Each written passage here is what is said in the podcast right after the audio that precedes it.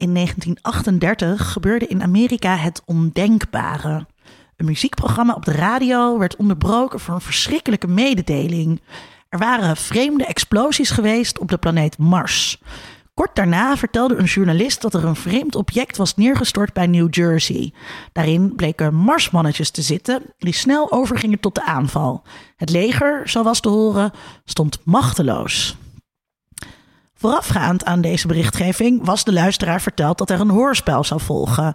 Maar ja, niet iedereen had dat begin gehoord of begrepen. En dus volgde er paniek. Terecht.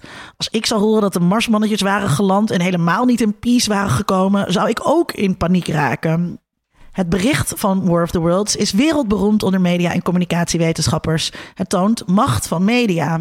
Een hoorspel als The War of the Worlds was nog nooit uitgevoerd en mensen waren gewend om nieuwsberichten of iets wat klinkt als een nieuwsbericht voor waar aan te nemen. Nu weten we wel beter, toch?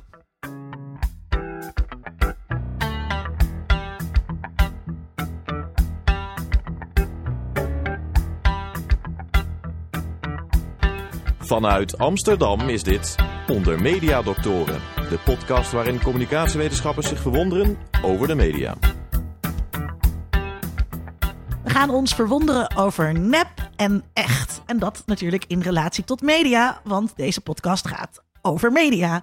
Daarvoor hebben we uitgenodigd onder mediadoctoren veteraan Dr. Jaap Kooijman. Yay!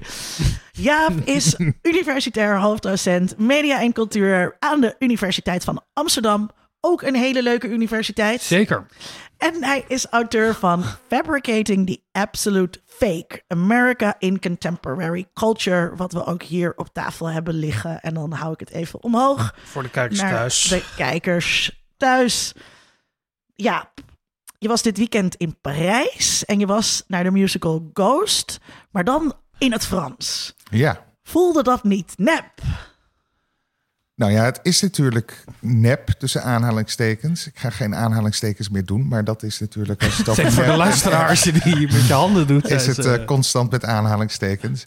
Maar de musical is per definitie natuurlijk een genre wat juist eh, heel artificieel is en daar ook heel openlijk voor uitkomt. En eh, vroeger was de musical een, eh, ook een vlucht uit de realiteit. Het is niet voor niks dat de musical heel erg populair werd in de jaren 30 van de vorige eeuw tijdens de economische depressie. Ehm, dus het is wel toepasselijk. Ehm, ik was daar overigens ook werkgerelateerd. Want mijn partner werkt bij Stage en we waren in Parijs. Dus we gingen die eh, musical bekijken. Maar het was heel leuk om het in het eh, Frans te zien. Sowieso, ik wist niet dat er een musical was over Ghost. Want ik dacht het is alleen een film met eh, Demi Moore en eh, Patrick, Swayze. Swayze. En Whoopi Goldberg, die daar een Oscar voor heeft gewonnen. Echt? Ja, en, ehm, maar het was heel leuk. Ze hadden alle, de, de liedjes zijn geschreven door Dave Stewart van de Eurythmics in het Engels, maar die waren nu allemaal in het Frans. En er is ook relatief veel dialoog Ehm, met eh, Sam en Mali. Dat wordt dus op het Frans uitgesproken. Alleen Unchained Melody, het grote nummer waar, wat niet uit de musical is, maar wat bekend is uit de musical met die, of uit de film met. ehm, De kleiscène. de kleiscène. Die zat er ook in, maar die hebben ze in het Engels gelaten. Maar dan wel gezongen met een heel Frans accent. Oh, maar dat zou toch ook wel... Oh, mon amour. Ja, had ook gekund. Aan de andere kant, het is, het is, het is natuurlijk, ik weet niet. Misschien moet voor de luisteraar straks gewoon dit nummer eronder zetten. Want ik ken het helemaal niet. Ehm, Kan je een klein stukje zingen? Nee, ik ga het niet te klein, dat had ik net ook al Nee, maar je kent het wel. Nee, nee. Als je Ja. het hoort, dan ken je het meteen. De Righteous Brothers hadden er een hit mee. Ehm, maar aan de andere kant was het juist een perfecte plek om juist Ghost te zien. Ik weet niet voor de mensen die het verhaal kennen, maar het gaat eigenlijk over de oneindige liefde. Dus dat de liefde ook doorgaat nadat je partner is overleden en een ghost is. Nou ja, en dan is Parijs natuurlijk de perfecte plek om te zien. Dat is toch de mondiale stad van de liefde. Ja. Dus, maar ja. Dus eh, over musicals Ja. eh, is begrippen als nep en echt niet heel productief. Kijk, ik. kijk. Hey, eh, zoals altijd ook aan mijn zijde, mijn vaste mede-media-dokter, dokter Vincent Kronen. Vincent, ben jij wel eens in eh, een iets getrapt waarvan je dacht dat het echt was en dat het niet echt bleek te zijn qua media? Oh ja, vast. Uh, nou, ik kan me de begindagen van, van internet en het WWW nog wel herinneren. Dat daar World toch, Wide Web, Het World- zoals Vincent het zou uitspreken. World Wide Web. Ehm, dat je voor het eerst toch... Je, je was heel erg gewend dat media toch bij bedrijven vandaan kwamen... waar je toch redelijk vertrouwen in kon hebben. En zeker helemaal in die begindagen kwam je opeens allemaal dingen tegen... die helemaal niet echt waren. Terwijl we... eh, nou ja, op televisie waren er allemaal wetgeving over... wat je dan wel en niet mocht doen. Hm, Kan je een voorbeeld geven? Uh, nou, bijvoorbeeld je, uh, over vreemd nieuws, wat er dan nog wel eens verscheen. En dat je dan op websites kwam waar je er dan achter kwam dat. Nou, dat was in de tijd dat Toepak misschien nog wel leefde, of, of was dat later. Maar dat soort nieuws, weet je wel, dat sensationele nieuws.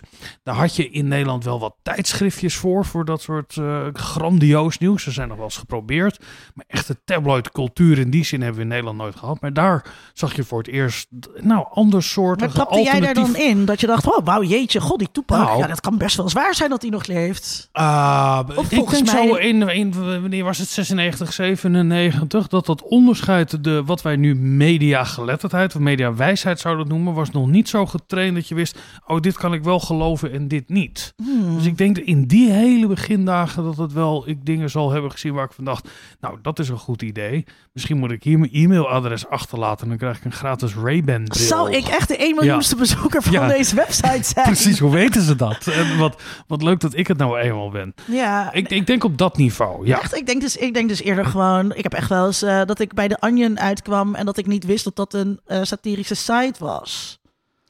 Ja, eh, nee, dat heb ik niet snel gehad. Nee, Ja. Niet met ironie. En ik zit even te denken aan mijn aan, aan begintijd van televisie.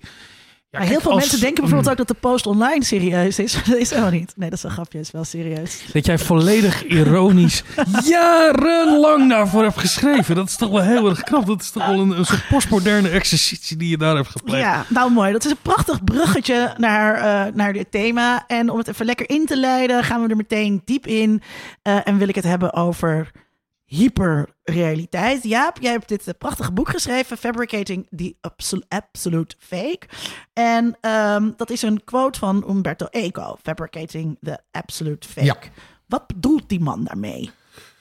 Nou, er zijn, ehm, er zijn eigenlijk twee, er zijn meerdere filosofen, maar er zijn twee filosofen die ik gebruik in het boek, die allebei het hebben over eh, hyperreality of hyperrealiteit, maar op een hele andere manier. De ene is Umberto Eco, waar ik, eh, waarvan ik inderdaad de titel heb geleend. Dat komt uit zijn boek Travels in Hyperreality, wat hij gedeeltelijk heeft geschreven, gebaseerd op zijn reizen door Amerika. En natuurlijk ook Jean Baudrillard, die ook door Amerika heeft gere- eh, gere- gereisd. Gereden? Je zou ook gereden volgens Ja, mij. Ja, ja, ja, ja. Ja. in de jaren tachtig en dat een prachtige boek Ameriek schreef, waar hij het ook over hyperrealiteit heeft, hoewel hij daar al eerder eh, ook over had gehad. Mhm. Ehm, maar ze hebben wel heel veel grote verschillen. En voor Umberto Eco is de absolute fake, moet ik even parafraseren, maar hij zegt eigenlijk, het komt uit een citaat waar hij zegt. ehm, de Amerikaanse verbeelding is op zoek naar authenticiteit. En om dat te bereiken, moeten ze de eh, absolute fake creëren. Dus je moet een, een absolute nepheid creëren om de illusie van echtheid te krijgen. En er gaat ervan uit, eh, het is een ontzettend eurocentrisch boek, dat heel veel originelen uit Europa komen en dat je dan, eh, de Amerikanen moeten dan the real thing, hij refereert ook aan, aan Coca-Cola, eh, bereiken door nepheid te produceren. Ehm, hij geeft zelf bijvoorbeeld het voorbeeld ehm, van een Manhattan Purchase brief. Hè, dus de brief waarin Nederland eh, van de Native Americans Manhattan kocht voor 60 dollar. En dat document, het oors- oorspronkelijk ligt in Den Haag, maar dat document, daar is ook een kopie van in de City Museum eh, in Amerika. En daar kan je zelfs ook kopieën van kopen. En die, het is helemaal nagemaakt, dus het ziet er helemaal hetzelfde uit. Met één verschil. eh, de oorspronkelijke tekst is in het Nederlands. En dat kunnen ze natuurlijk niet begrijpen. Dus dat is aangepast in het Engels. Maar voor de rest ziet het er helemaal echt uit. Beter. En dat Ja. is, het is eigenlijk een, een verbeterde. Wel, dat zijn niet de woorden die hij zelf gebruikt. Maar het is eigenlijk een verbeterde kopie van het origineel, waardoor het echter lijkt. Daardoor zal een eh, Amerikaan, als hij het oorspronkelijke document ziet, dan denkt hij, nou, een document in een vreemde taal. Begrijp ik niet. Dus dan wordt het minder echt dan het document dat hij wel kan lezen. En zo zijn er honderden voorbeelden Mhm. van. Ander voorbeeld wat niet door Eco genoemd wordt, ehm, maar ook vaak door anderen wel, ehm, is de Main Street in Holland, Michigan. Dat is ontzettend populair. Werd zo populair, een beetje net als de dijk in, eh, in Volendam. Werd Jaap zoveel kijkt daar heel blij bij, omdat Jaap en ik onlangs samen op de dijk in Volendam waren. En ik daar dus aan moest denken, dat werd zo populair dat die straat dat niet meer aankomt. Dus ze hebben gewoon die straat opnieuw gebouwd. Net iets buiten het dorp, dus helemaal eh, nagebouwd. Maar met een grote parkeerplaats erbij. En voor de gebruikers maakt het niks uit, want voor hun is dat echt. En dat is wat ehm, ja, Eco bedoelt met een absolute fake. En het voordeel, analytische voordeel daarvan, is dat je het kunt, dus nog kunt vergelijken met een origineel. Voor Baudrillard daarentegen bestaat er eigenlijk geen origineel meer. Dus voor hem is elke kopie, is alles eigenlijk een kopie van een kopie van een kopie. Waardoor je niet meer ehm, bij elke representatie eigenlijk niet meer weet waar het naar verwijst. Heel veel mensen denken dat hij zegt dat het eh, onrealiteit is, dus dat het niet waar is. Dat is weer iets anders dan nep, overigens. Maar dat het niet waar is. Maar het is hyperrealiteit. Dus het is wel waar, maar het is op zo'n uitvergrote manier waar dat je niet meer weet ehm, of het verwijst naar iets, een, een materiële werkelijkheid of niet. En Baudrillard gaat er net een stapje verder en die zegt dat maakt eigenlijk ook niks meer uit voor de cultuur waarin we leven. Ja, dat concept van hyperrealiteit is denk ik vooral van Baudrillard eh, bekend, minder Mhm. van Eco. Vincent, wat is dat belang geweest van dat concept hyperrealiteit voor mediastudies? Nou, nou ik, ik bedacht toen jij zei, we, hebben toch een lange geschiedenis in de mediastudies of de cultuurwetenschappen door Europeanen naar Amerika te sturen die dan gaan opschrijven waar ze zich over verbazen. Zoals is toch een- Tocqueville. Er is een hele reeks van, eh, van literatuur daarover. Het belang daarvan, eh, Baudrillard die, die, die schreef ook... Hè, hoe spreek je dat nou uit? Baudrillard. Oh, ik dacht dat je zou zeggen... Baudrillard. Ja. Die schreef een boekje eh, in het Frans, waarvan ik de titel eh, niet in het Frans kan zeggen, maar de strekking was de Golfoorlog heeft nooit plaatsgevonden. En de strekking van dat, van dat kleine boekje ging er ook over. Het zou toch ook wel een beetje onzinnig zijn dat die oorlog echt zou hebben plaatsgevonden. Dat er allemaal mensen daar doodgaan door bommen en granaten. Want wat is nou eigenlijk de werkelijkheid van die oorlog? Wat is de macht geweest van, van die gebeurtenis? Is dat nou dat daar nou, gekscherend gezegd, allemaal mensen in een woestijn overhoop geschoten worden? Mhm. Of gaat het eigenlijk ook over de verbeelding daarvan? Ja, dit was, hier gingen we mee Oh. eindigen. Hè? Vincent staat in het, in het draaiboek. Hier eindigen we met de Baudrillard over de Golfoorlog. Eh, maar ja, er zijn nog tal De van vraag andere... voor jou was: wat is het belang geweest van dat begrip voor mediastudies? Nou, dat leg ik toch hiermee uit. Dat we eh, het op het moment dat wij willen nadenken over hoe publieke mensen betekenis geven aan televisie, hebben we in het begin altijd de vraag gesteld: wat is echt of wat is niet echt daarover? Zijn we nog steeds enorm mee bezig met die vraag altijd. Maar er is door deze theorievorming, deze conceptualisering, is er eigenlijk een grotere verdieping en een verdere complexe. eh, die, die complexiteit wordt hiermee blootgelegd met deze terminologie. Jaap, je hebt, wat, je hebt een voetnoot nagezocht, zie ik. Ja, want Het lijkt ik- wel een academisch programma, jongens. Dat, eh, Davis programma. Ehm, nou, het dunne boekje is, zijn eigenlijk drie essays. Hè? Dus het, het eerst eh, eh, alle drie gepubliceerd in Le Monde, als ik me niet vergis. Ehm, van de Golfoorlog zal niet plaatsvinden, de Golfoorlog vindt niet plaats en de Golfoorlog heeft niet plaatsgevonden. Eh, dus voor, tijdens en na de oorlog. En wat, eh, wat vaak, en dat moest ik weer even opzoeken, want dat wist ik niet uit mijn hoofd. Maar wat vaak vergeten wordt, is dat er ook alweer een verwijzing is, dus de titel. Want hij verwijst naar een, een toneelstuk uit 35 over de Eerste Wereldoorlog. Sorry, in je microfoon, ja. in mijn Ja. microfoon uit eh, 1935. ehm, een toneelstuk over de Eerste Wereldoorlog, wat toen nog gewoon de Wereldoorlog was. Van The Trojan War Will Not Take Place. En wat hij, hij heeft ontzettend veel kritiek gehad. ehm Baudrillard, ook dat hij nihilistisch zou zijn. En hoe durf je ehm, te zeggen dat die oorlog niet eh, heeft bestaan. Maar hij ontkent niet dat die oorlog heeft bestaan. Sterker nog, hij zegt de materiële werkelijkheid en van de 100.000 dode Irakezen wordt gebruikt in deze oorlog om te bewijzen dat het een echte oorlog gaat. Maar het gaat niet over die 100.000 uh, dode Irakezen. De hele oorlog, zoals al die oorlogen gaan, gaan over, over macht, representatie en wie uh, komt hier als winnaar uh, uit deze oorlog. Veel eerder zei hij dat ook over de Vietnamoorlog. Hij zegt de Vietnamezen hebben de oorlog gewonnen op de grond, de materiële, materiële oorlog. Maar de Amerikanen hebben hem uiteindelijk gewonnen in, in de representatie. Want als we het over de Vietnamoorlog hebben, hebben we het. En uh, voornamelijk over de, de, de, de, nou, de on, het, de, hoe Amerika zijn onschuld heeft verloren. Ik bedoel, in de, in de mondiale mediacultuur neem aan dat ze in Vietnam daar iets anders over denken. Maar in de mondiale mediacultuur is Vietnam de oorlog die uh, Amerika de onschuld uh, ontnam. Als dat, als dat nu allemaal een beetje snel uh, gaat voor uw luisteraar, niet getreurd, want dit was het plan om het als einde in deze aflevering te hebben. Dus ik ga daar ook mee eindigen, want ik ben de baas van deze aflevering. Dus we komen daar straks maar nog is wel dat echt zo? op terug. Stop met het ondermijnen van mijn authority, Vincent. Um, representatie, je zei het net al. Ik denk dat Ja. dat be- belangrijk is dat we daar even eh, naartoe gaan. Ehm, representatie is een centraal begrip. In eh binnen mediastudies heb ik vandaag nog weer aan mijn studenten eh, wijs gemaakt. Hoe zit dat met representatie? Wat is het nou? Wat representeren media nou eigenlijk?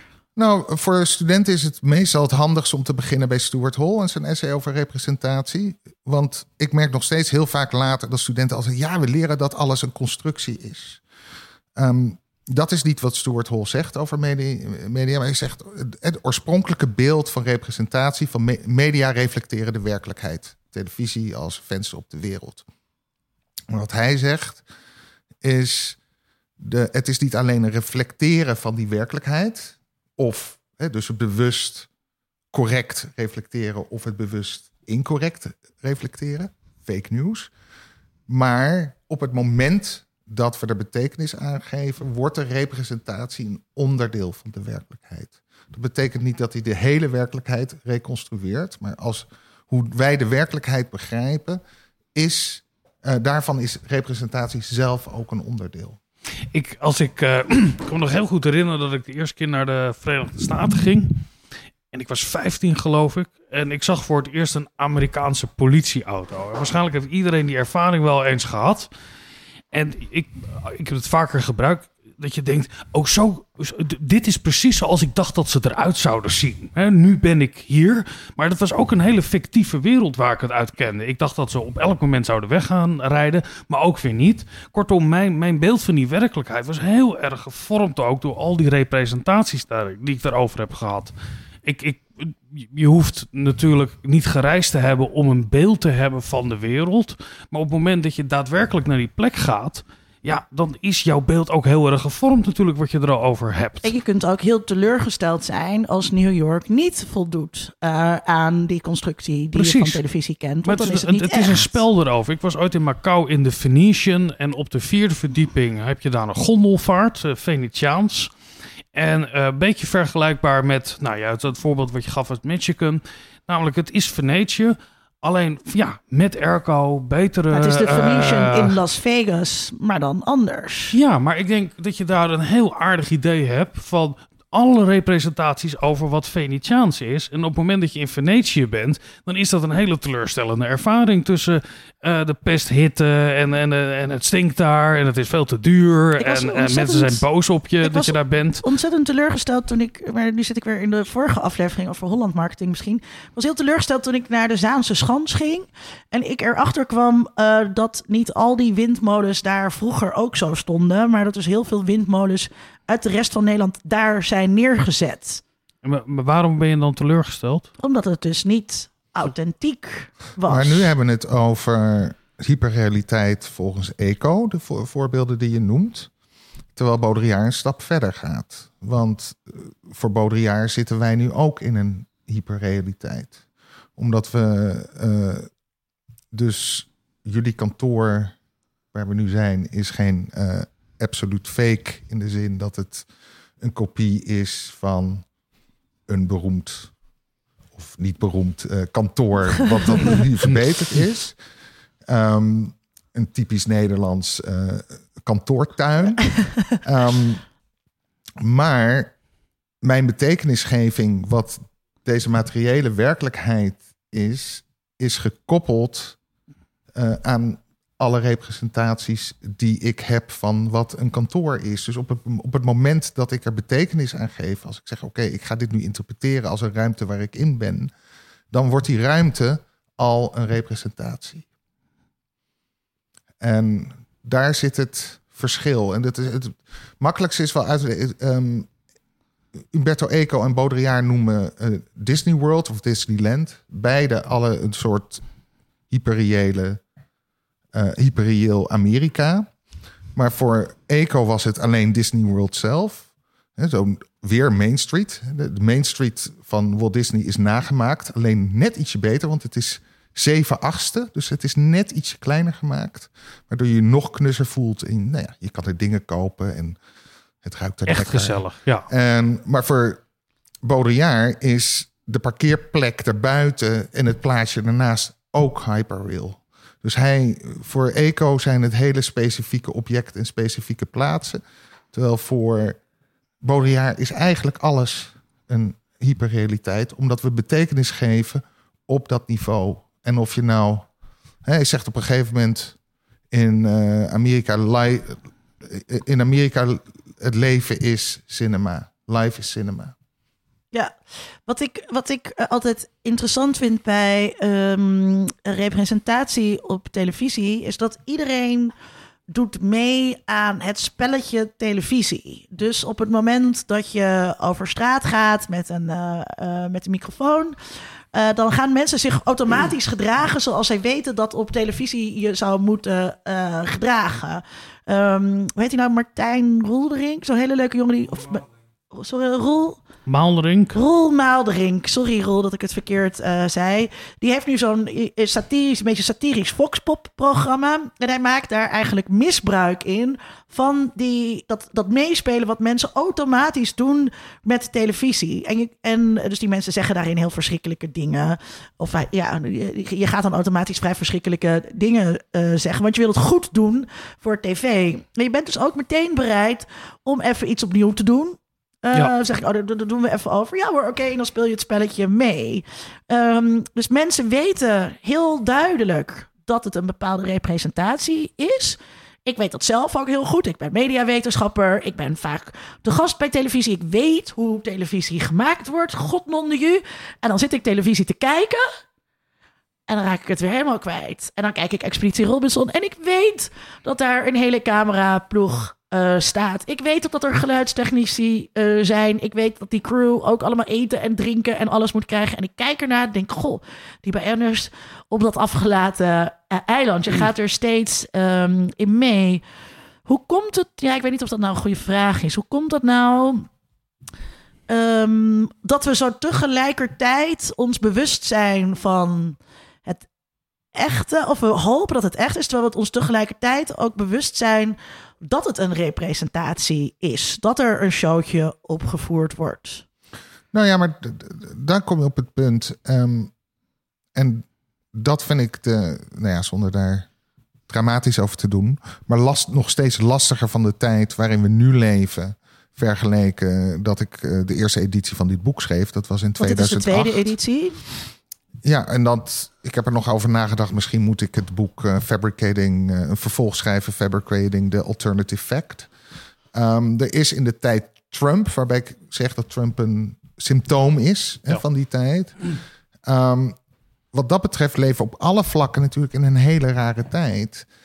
In um, dat.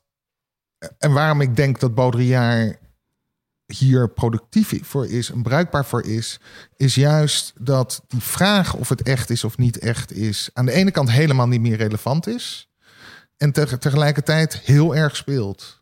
Het simpele voorbeeld is uh, programma's als The Voice en Idols, et cetera, waarin eh, eh, deelnemers constant krijgen te horen: nou, je moet vooral jezelf zijn, je moet authentiek zijn. Terwijl ze in een proces zitten om getransformeerd te worden tot Ja. een Je moet ook heel erg groeien. Je moet ook altijd nou ja, laten en, zien. En, en we zien daar dus juist de constructie van popcultuur. Dus ze worden geconstrueerd om, om authentiek te zijn. Wat je niet alleen ziet bij popsterren en celebrities, maar dat zien we ook bij politici. En we zien het ook steeds meer bij wetenschappers, bij journalisten. En dus we, er is dit, de, de, die nadruk op authenticiteit. ehm,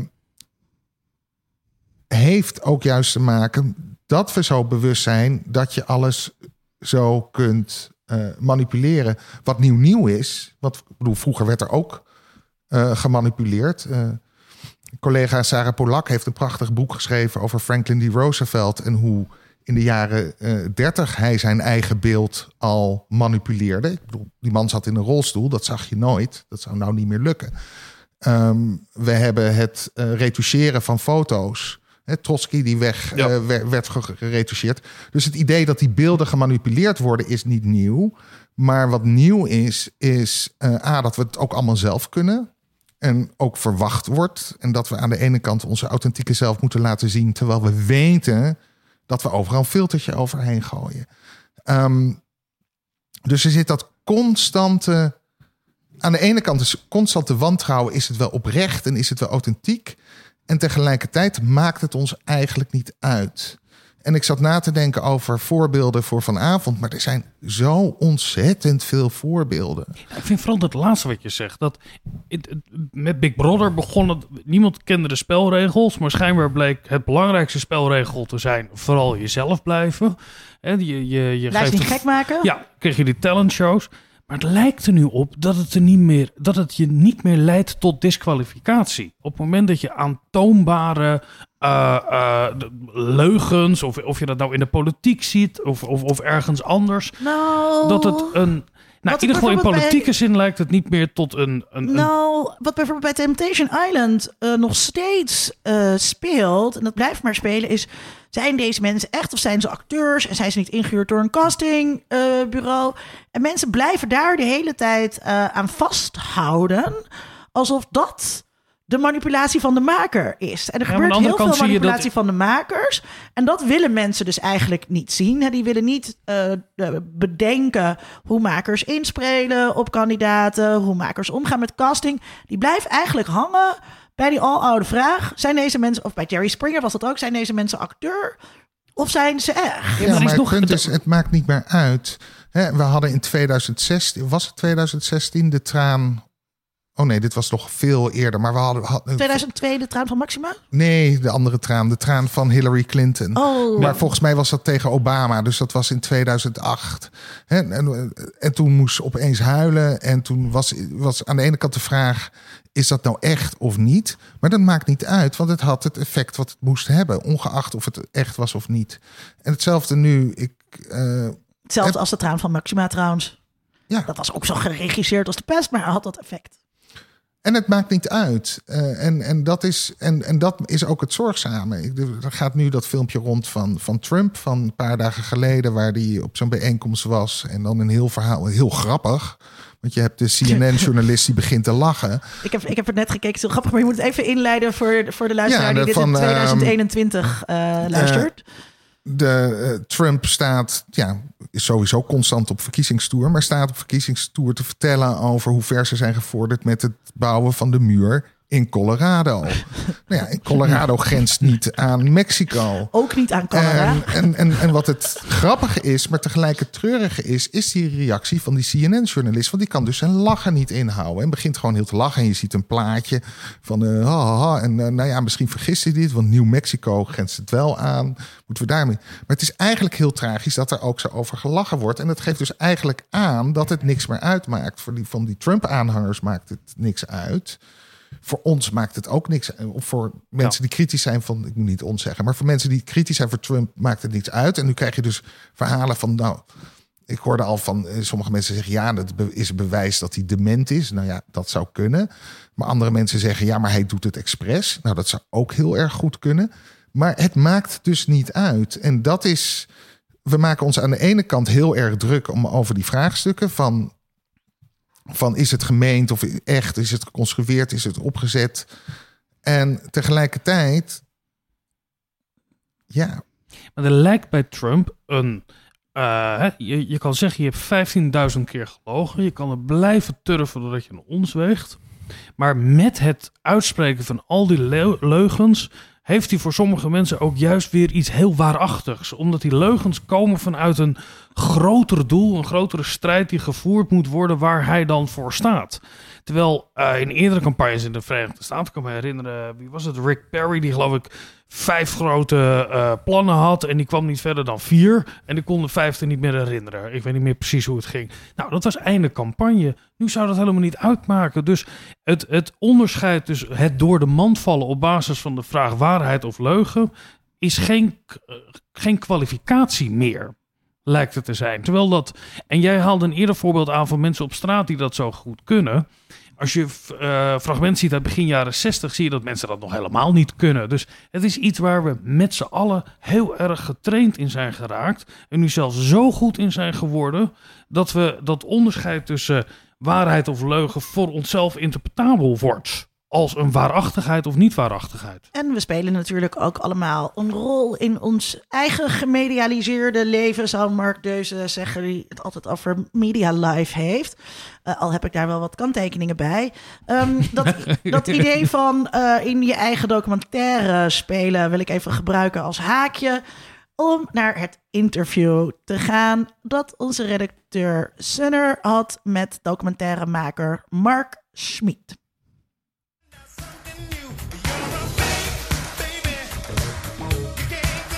Ben Mark Smit, filmmaker, documentaires. Uh, de laatste 20 jaar in elk geval. Ik ben wel afgestudeerd met fictie. Dus ik ben er niet helemaal onbekend mee. Ik ben eigenlijk per toeval in het uh, documentaire film beland. Dus na mijn studie pas dat ik, uh, ik deed veel geluidswerk op de set. En kwam al zodanig ook bij documentaires te werken. En was voor mij nooit serieuze optie, dacht ik.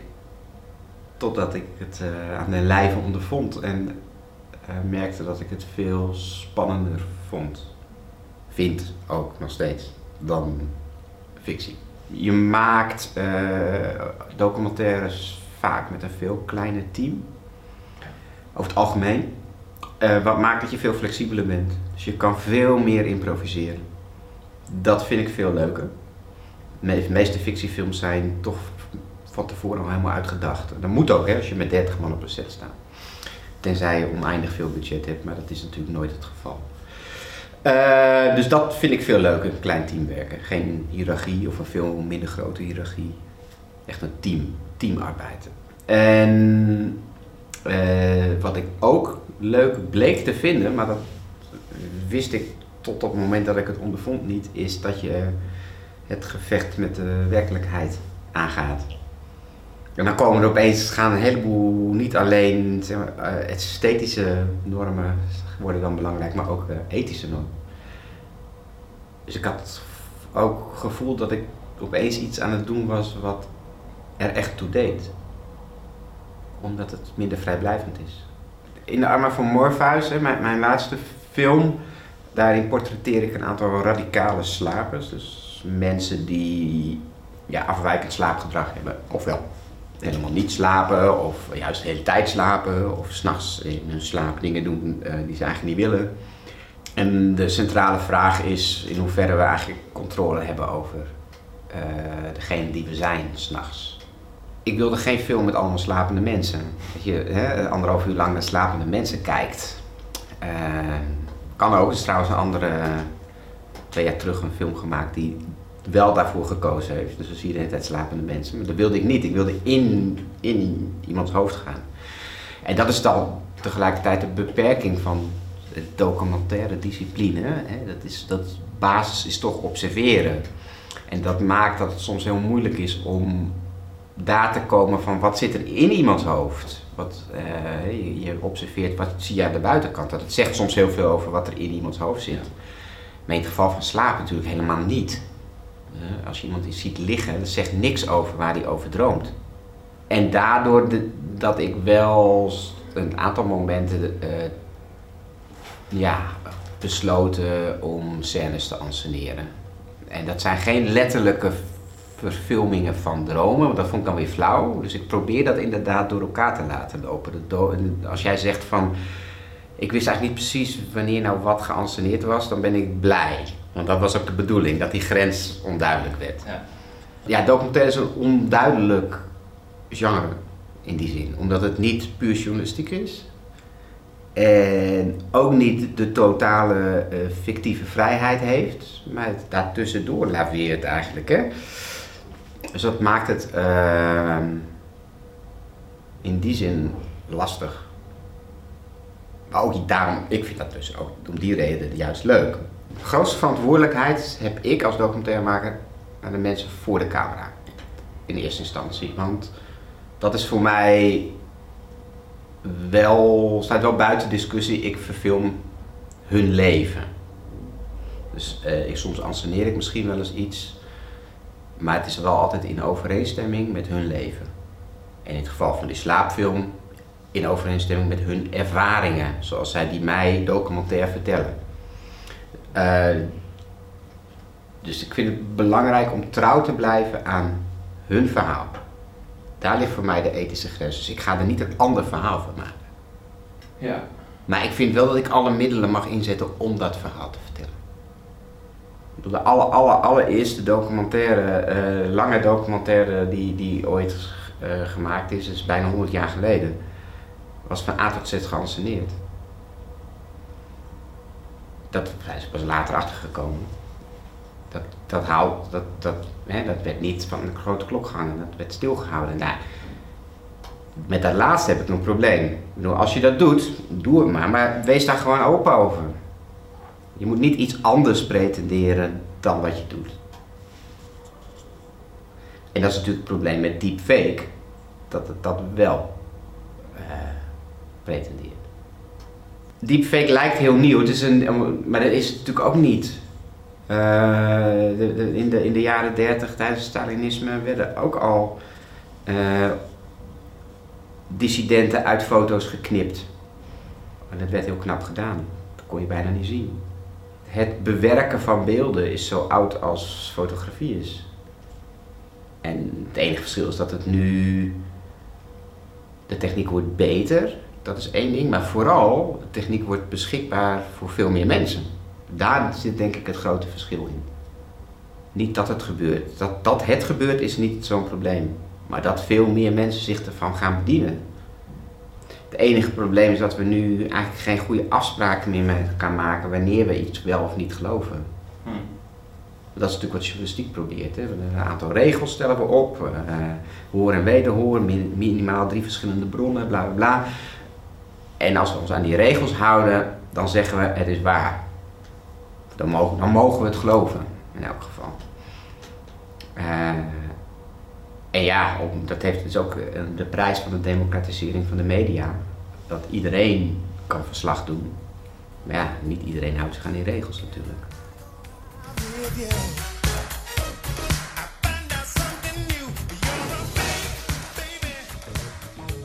Mooi eh, interview, eh, waar een aantal interessante dingen, denk ik, in zitten, die ik er even uit wil lichten. Allereerst, ik vind het wel opmerkelijk dat hij een onderscheid maakt tussen journalistiek en documentaires. Eh, ik word wel eens geïnterviewd voor journalistieke programma's.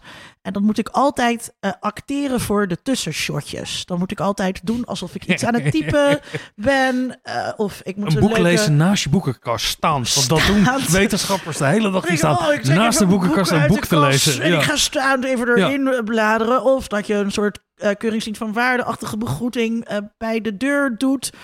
Dus ook daarin is het heel gebruikelijk dat je toneelstukjes eh, doet. En dat dingen eh, ontzettend ge geanceneerd zijn. Wat vind jij van het onderscheid dat hij daarin maakt? Nou, ik, ik hoorde dit iets anders. Ik denk dat ehm, ehm, de discussie bijvoorbeeld over objectiviteit binnen de journalistiek een hele andere discussie is dan we bijvoorbeeld in de wetenschap hebben. Komen we straks nog op, Ja, maar ik denk dat, eh, maar zo- ik wil nu, ik wil nu ja, nee, maar dat, dat las ik.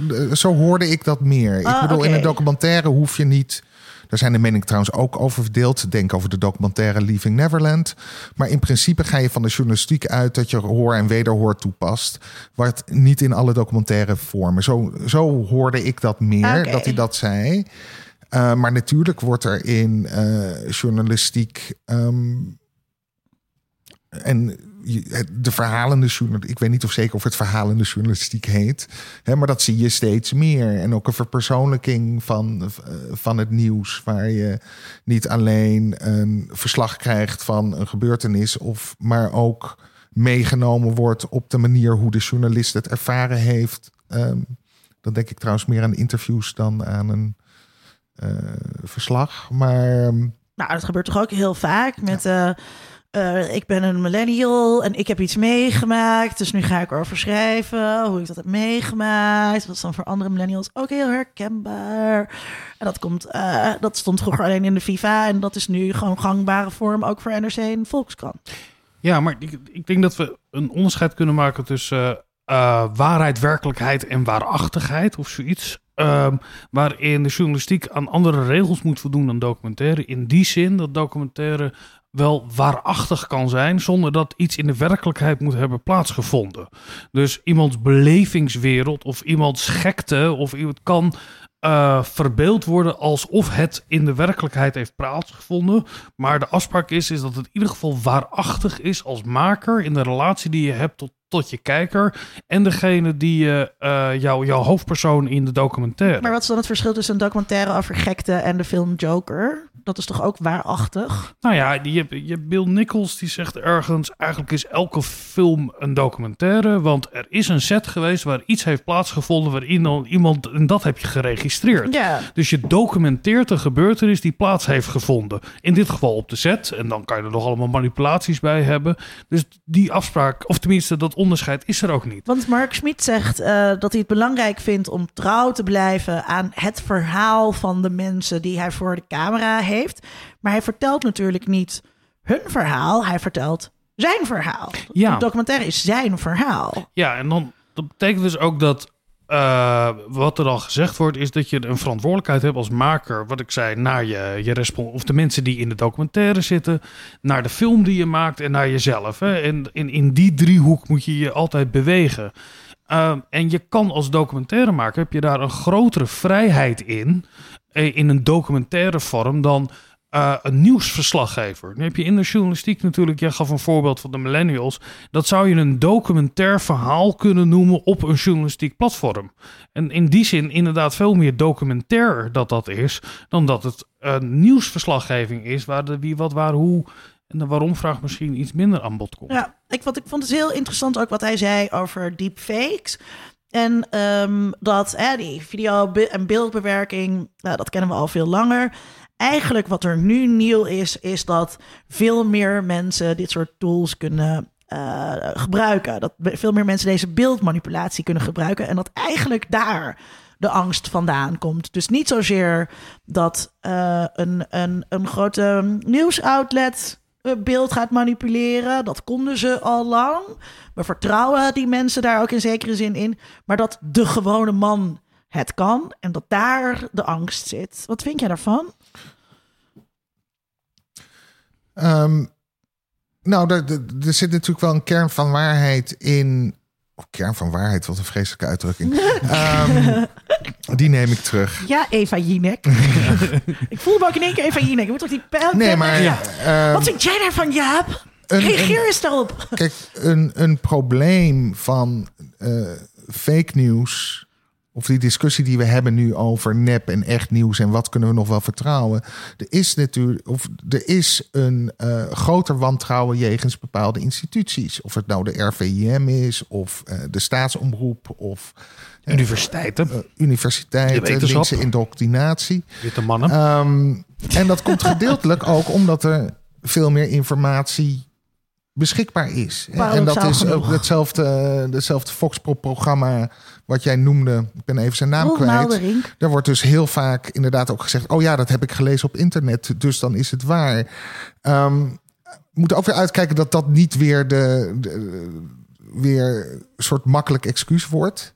He, van het ligt uh, omdat het zo democratisch is geworden. Want het is niet alleen maar die de- democratische turn. Er zit ook een heel apparaat achter wat ik niet snap van de algoritmes eh, en van eh, methodes om, om ons aan de ene kant neer te zetten als individuele burgers met allemaal met stemmen. En we kunnen nu allemaal op YouTube onze eigen stem laten horen. Maar tegelijkertijd zijn we ehm, data die eh, geanalyseerd kunnen worden. En we kunnen veel.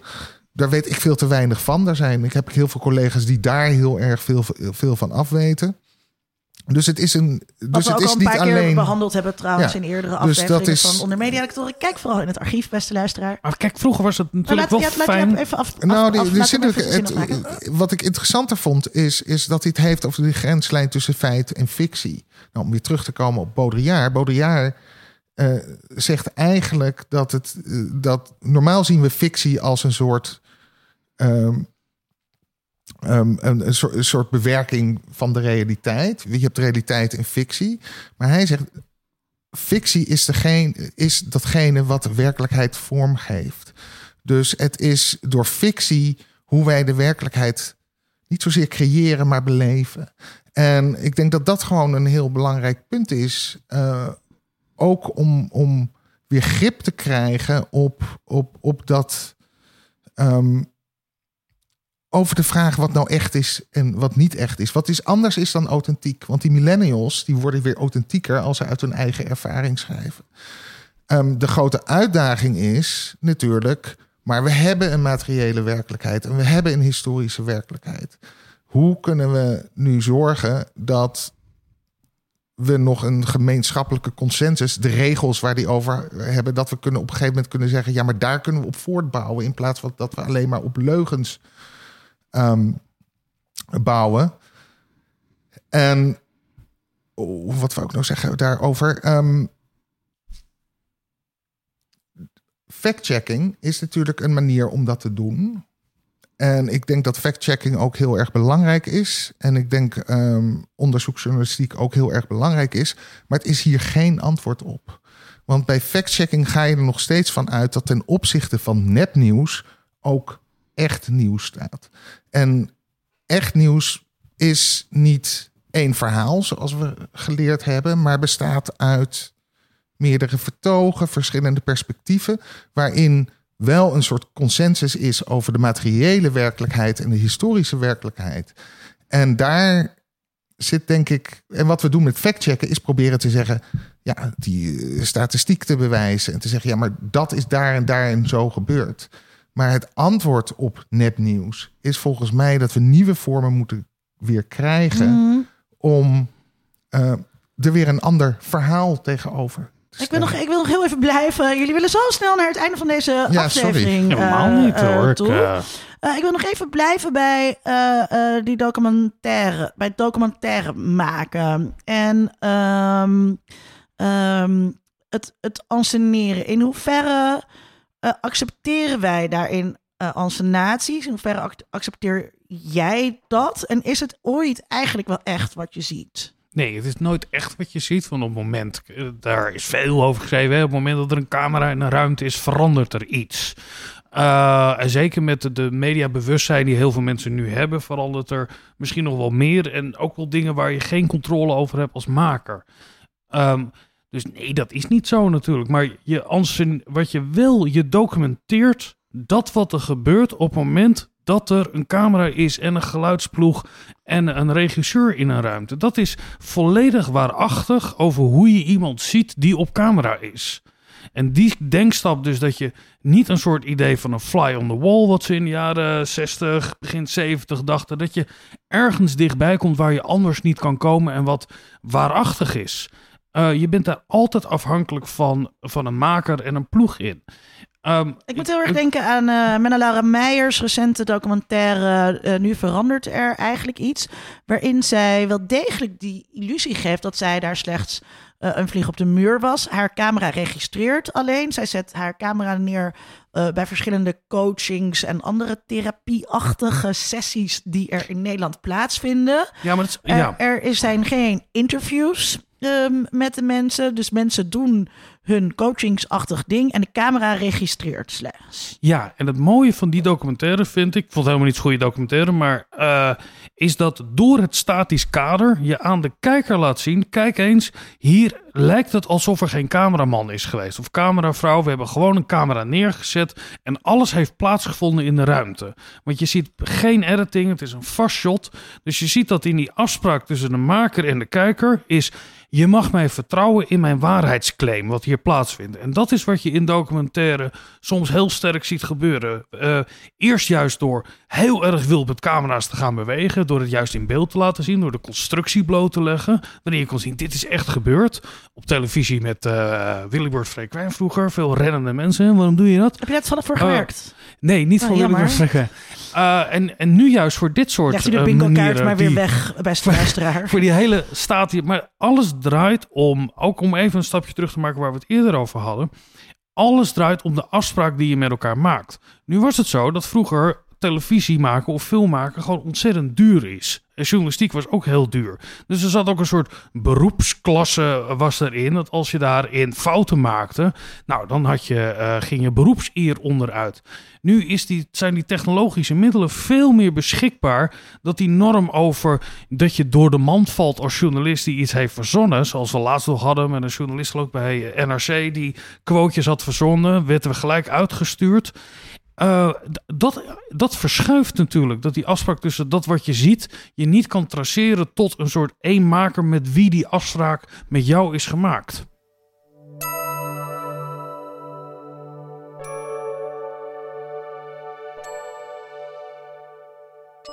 Hey Linda, heb jij 6 december iets te doen? Uh, ja, want dat vorige keer al gehoord, heb ik al lang in mijn agenda staan. Wat ga je doen dan? 6 december is de honderdste van Onder Media Doctoren. Is dan de honderdste van Onder Media Doctoren? We gaan het uit en te treuren zeggen, net zolang tot al onze luisteraars komen. 6 december, kom je ook luisteraar? Wij willen jou, ja jou, ja? Nee, jij, jij echt, jij, jij, jou willen we ook heel graag ontmoeten. Tot dan!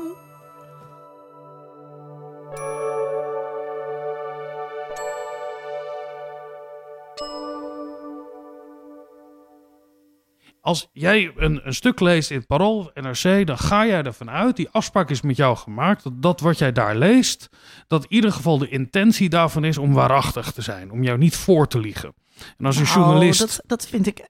Dan hou je eer je eigen begrippen door elkaar. Want je gebruikt die waarachtigheid voor een documentaire. Ja. Um, als ik een stuk lees in de krant dan ga ik ervan uit dat dat feitelijke dat, juistheden dus bevat. Dat gaat me toch wel wat verder dan waarachtigheid. Ja, die norm ligt nog hoger. Dus op het moment dat er een citaat wordt aangehaald van iemand, dan wil je ook dat, dat die woorden uitgesproken zijn door de persoon in een bepaalde situatie.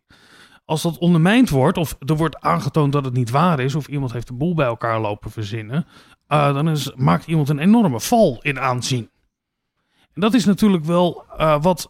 Maar is dat, staat er niet buiten uh, deze, dit hele verhaal? Dat op het moment dat iemand uh, dingen verzint, dan gaat het niet eens meer over fabricating die absolute fake of over hyperrealiteit. Dan is iemand gewoon aan het liegen. En dat is een, dan is iemand, bedoel, aan het belazeren expres, omdat hij te lui was om daadwerkelijk die interviews uh, uh, te houden, dan, dan, is er, dan zitten we in een andere categorie.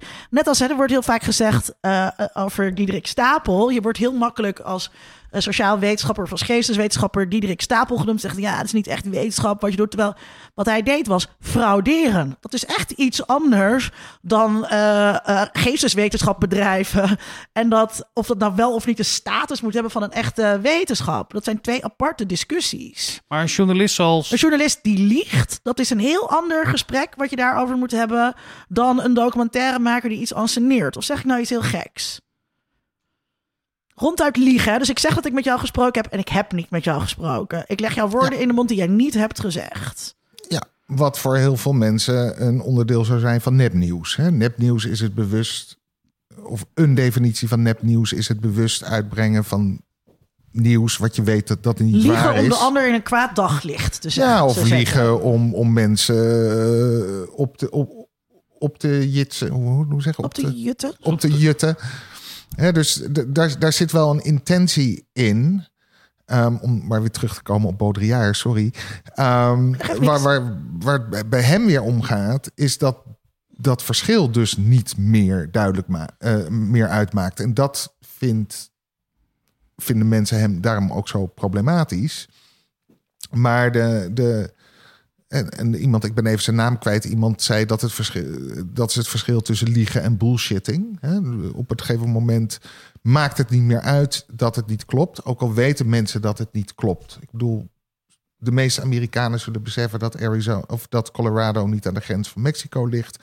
Maar zelfs als ze dat beseffen, maakt het niet uit voor de boodschap wat hij vertelt. Oh, hij heeft een foutje gemaakt. Het maakt nog niet zoveel uit. Hij bedoelt het goed. En het, gaat, om het idee, de, idee erachter. Um, dus um, we hebben het met de Brexit gezien. En ik bedoel, die, ik ben even vergeten wie het was. Maar die de beroemde scène dat, wat, dat hij, het was Farage of een van de anderen die voor die bus stond, waarop stond. Uh, we beloven dat er zoveel Marijn, miljoen wordt bezuinigd. De redacteur die weet dat je in een microfoon moet praten om gehoord te worden. Maar het was Boris Johnson. Op de uh, het was, maar je ziet die foto en die, dan, dan staat er op de bus... we beloven dat er zoveel miljoen van de NHS terugbetaald worden. En dan zegt hij gewoon in de Kamer... nee, dat hebben we nooit gezegd het staat daar voor je, maar het maakt dus niet meer uit. en dat, dat, Ik laat jullie lekker nu even praten over het fake news. Ik kan het toch niet tegenhouden. Ga die, maar door. dat, kijk, die NHS, die boodschap op die bus. 350 miljoen per dag, geloof ik, pond. Wat er dan naar... Uh, is allemaal leugen. Maar um, als iemand zegt... die mededeling klopt misschien niet in zichzelf... Maar daarmee kan ik een verhaal vertellen wat ik vergroot. Wat wel aantoont dat de Europese Unie een grote uh, moloch is wat onze vrijheid inperkt. Is het dan nog erg? Is als ik een Venetiaanse uh, uh, gondelding in Macau maak. En, we, en dan laat ik alle lelijke dingen van Venetië weg. En de mooie dingen maak ik net even iets groter. Dan klopt het niet meer met Venetië. Maar het is wel naar de aard of naar de, naar de geest van wat dit, Venetië dit gaat een stap verder. Dit is gewoon zeggen: ik heb dit niet gezegd, terwijl je het gezegd hebt.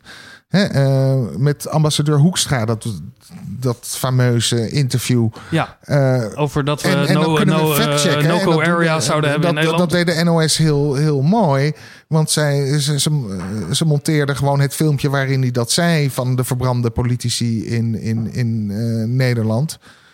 Maar het maakt dus niet uit. Ja, maar is, zijn we niet op het punt gekomen dat die Hoekstra die in die context deze woorden sprak, Mhm. voor dat publiek een waarheid in zich had om iets te laten zien. En toen hij in Nederland zat, het is niet dat er een andere waarheid geldig is. Dat die op, op een of andere manier, zoals in de hyperreal, ook naast elkaar kunnen bestaan. Zijn we niet inmiddels al in die fase beland?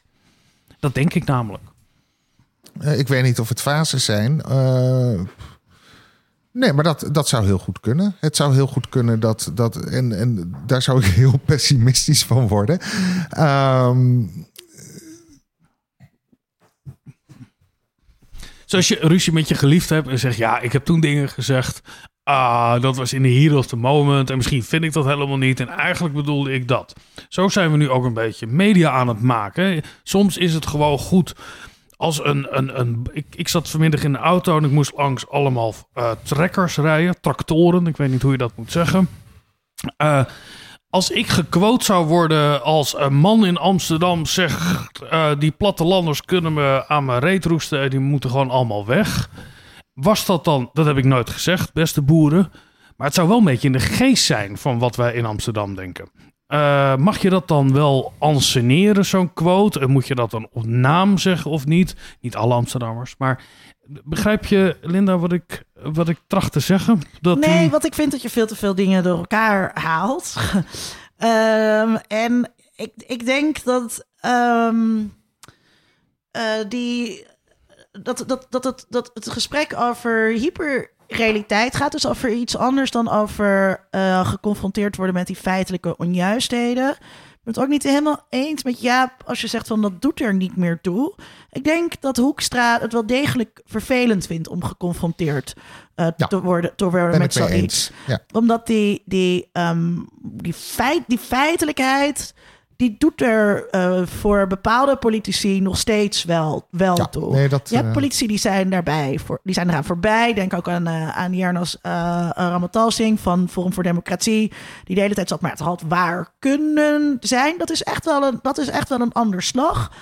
eh, dan, dan, dan dit. En ehm, in, in de journalistiek gaat het toch nog steeds wel om die onjuistheden. En dat wordt nog steeds wel belangrijk gevonden.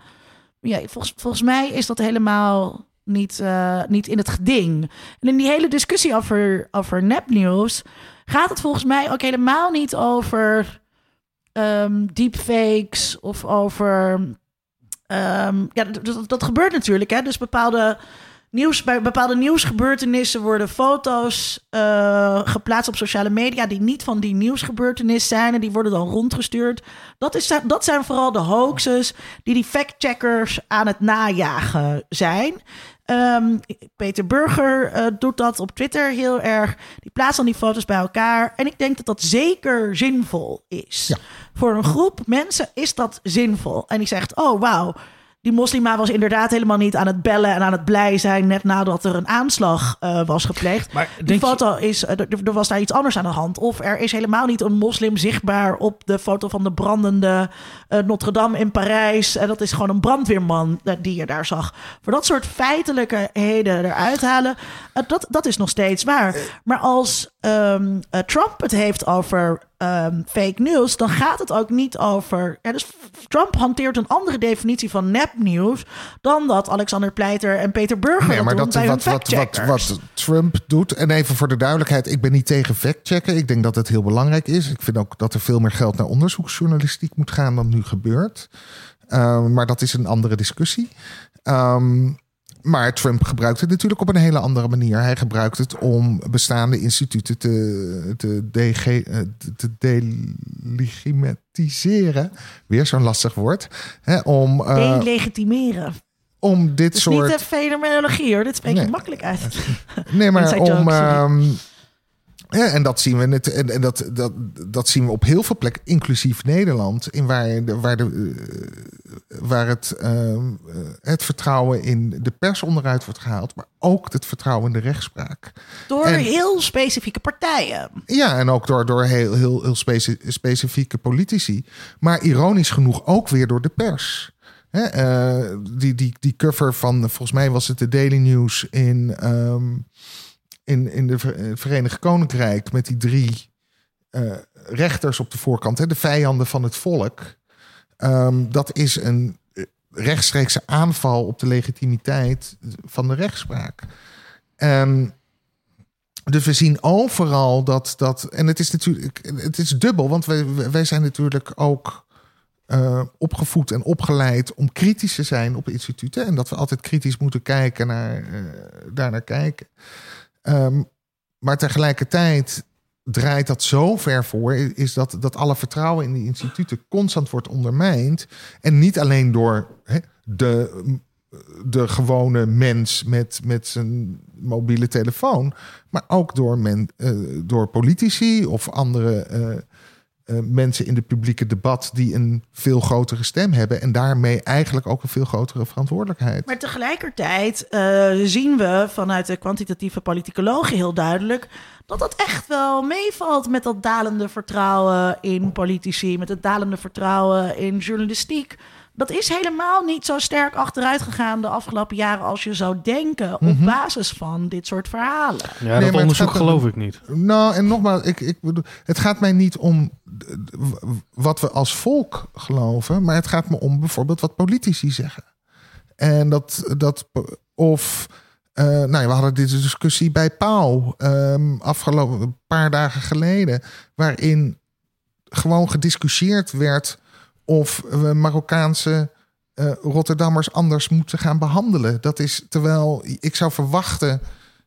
Het ging puur over tweede, tweede rangs burgerschap. Ik zou verwachten dat een instituut als een programma eh, of als een televisieprogramma daarboven gaat staan en zegt van hé, hey, moeten we niet deze discussie aangaan? Uh, want dit grenst gewoon eigenlijk aan een soort basisprincipe van gelijkwaardigheid in onze samenleving. Dat is jouw teleurstelling in uh, de journalistiek? Uh, nou, in dit geval in, in een specifiek programma, ja. Ja, maar dat staat los van het verhaal of van de vraag of hoe je dat nou moet begrijpen binnen het spectrum van nepnieuws, hyperrealiteit, ansenering. En dit, is, dit is gewoon racistische journalistiek. Maar dat, dat lijkt maar daar toch los van staan. Waar of niet waar en, en racisme of niet racisme. Ja, iets is racistisch of niet. Daar. Nou ja, maar dus, dus het, het gaat niet zozeer over ehm, wat, welke constructie van de werkelijkheid wordt hier nou voorgeschoteld. Ik ben het met je, een, ik ben het met je eens. hoor, dat het, nee, dat, maar en ook dat het Het, het, het performatief ging kan meer mee van instituties die verantwoordelijkheid moeten nemen naar andere instituties toe. Ehm, dat. Ja, nee, dat, dat heb je gelijk. Ja, nee, ik, maar ik, Ik- ik, ik- ik begrijp, ik begrijp je frustratie eh, daarmee. Nee, maar dat is denk ik dus ook ehm, toen ik eh, vice-hoofdredacteur was van de Jaap.nl. Toen ging ik over welke opiniestukken eh, we wel en niet gingen plaatsen. En je hebt gewoon heel erg de neiging op het moment dat je het niet eens bent met de inhoud van een stuk, om ook te zeggen: dit is warrig. Een slecht geschreven stuk, en is eigenlijk niet zo goed Ja. opgebouwd. Eh, en als je het eens bent met de inhoud van het stuk, denk je: oh, wat een helder betoog. Eh, zet deze persoon hier neer. Eh, zijn we dus niet eigenlijk allemaal geneigd ook eh, ook, weet ik veel, of dat nou cog- cognitieve dissonantie heet of iets anders, of, of selectiebias en vast psychologische benamingen ervoor. Om dus als wij iets lezen waar we het ook niet mee eens zijn, om dan toch ook te gaan zeggen: eh, dit is nep of geconstrueerd. Zeker, je haalde of net een voorbeeld aan over een foto van eh, hè, verheugde moslims bij een aanslag. Je kan wel zeggen, die foto is nep. Maar ik maak mij niet wijs dat de mensen die daar bo- boos over waren over die foto... dan zeggen, oh, dan moet ik mijn mening ook bijstellen... over hoe ik denk Die over denken, moslims. misschien was er op deze foto geen blije moslim te zien, maar er waren sowieso blije moslims. Ja, en ik denk wel, het, nu is het natuurlijk altijd heel moeilijk om terug in de tijd te kijken en zeggen van, goh, hoe was het vroeger? Maar dat de toegankelijkheid van het denken in dat iets constructies zijn, of en, en dat dat veel breder is dan dat dat 30 jaar geleden is. Eh, dat je, dat weet jij wel, Jaap, die, die bundel eh, Bad News en More Bad News. Zo'n, eh, is dat Glasgow, eh, de GUMG, eh, zo'n onderzoeksinitiatief om te laten zien hoe eh, verachtelijk de, de Britse media waren en ten bate waren van de werkgevers en dat de arbeiders altijd slecht werden afgebeeld. Die manier van denken zie je nu dat het zowel aan linker als rechterzijde heel erg toegankelijk is gemaakt voor bijna iedereen in die in dat soort terminologie kan spreken dat- in ieder maar- geval. En dat, ehm, En dat was toen heel exclusief voor een groepje academici die dat- zich daarmee dat was- bezig maar- En het was natuurlijk eh, ook zo. eh, laten we niet. We hebben hier ook een keer een aflevering gemaakt over subjectieve journalistiek. Hè. Is objectieve journalistiek überhaupt mogelijk? We hebben natuurlijk een tijd gehad van verzuiling. waarin de krant die je las. heel duidelijk verbonden was met de partij waarop je stemde. En natuurlijk was eh, dat nieuws gekleurd. Ehm, ik kom een beetje bij de vraag. eh, wat ik heb opgeschreven in het draaiboek als. eh, fake news en de poststructuralistische erfzonde. Eh, Zo, en, eh, zo. ja, dat vond ik ook wel mooi. Eh, ja, daar kan je een boek over schrijven. Ja, ik kan zien dat ik in de cultural studies hoek zit. Dat zou zomaar een, een mooi titel van een... eh, Een soort boetedoening wil je schrijven. nou ja, het, is, het gaat eigenlijk over, over hè, dus, dat, dus de poststructuralistische erfzonde. Er is niet één, een, één waarheid. Hè? Er zijn meerdere perspectieven op waarheid. Eh, er zijn verschillende constructies van waarheid. En het is ook interessant om daarnaar te kijken. Mijn lievelingsvoorbeeld, dat ik vandaag nog weer in college heb gebruikt. Eh, een meisje in mijn proefschrift zei tegen mij... Tupac's Changes is mijn lievelingsnummer, want dat gaat over volhouden en doorzetten. Dat nummer gaat er helemaal niet over. Het gaat over hoe kut het is om op te groeien in de ghetto. Eh, maar haar betekenisgeving is waar en waardevol. En dan ga je niet als onderzoeker zeggen: nee, meisje van elf, je hebt dat helemaal mis. Ehm, en dat doe je binnen poststructuralisme. Je deconstrueert hoe mensen betekenis geven. En daarbij sta je dus toe dat er meerdere betekenissen, meerdere waarheden mogelijk zijn. Meerdere interpretaties van Tupac's nummer. Is, eh, is dit allemaal dan onze schuld binnen Cultural Studies? Vincent en ik spelen dit spel wel eens vaker. Zijn wij degene, of, of, of is Foucault eh, de reden, ehm, dat, dat Wilders heeft kunnen zeggen? Volgens mij zei hij in de Kamer, dat is uw waarheid tegen Rutte. Hebben wij dit op ons geweten, Vincent? Nou, kijk, d- ik denk ik ben opgeleid en ik denk jij ook. Uh, Jaap is nog mijn docent geweest, dus eigenlijk is het schuld van Jaap, maar wel in een, uh, uit een denken. En dat zit bij Baudrillard bijvoorbeeld ook van die generatie die zich afzetten. Uh, zowel in, in, de, die, die, die, de, de Fransen die er zijn, als de Britten, later ook de Duitsers, die vanuit een idee dat macht altijd ondermijnd dient te worden, bekritiseerd moest worden, dat instituties er niet voor jou waren en dat die tot onderdrukking leiden en dat instituties bestreden moeten worden.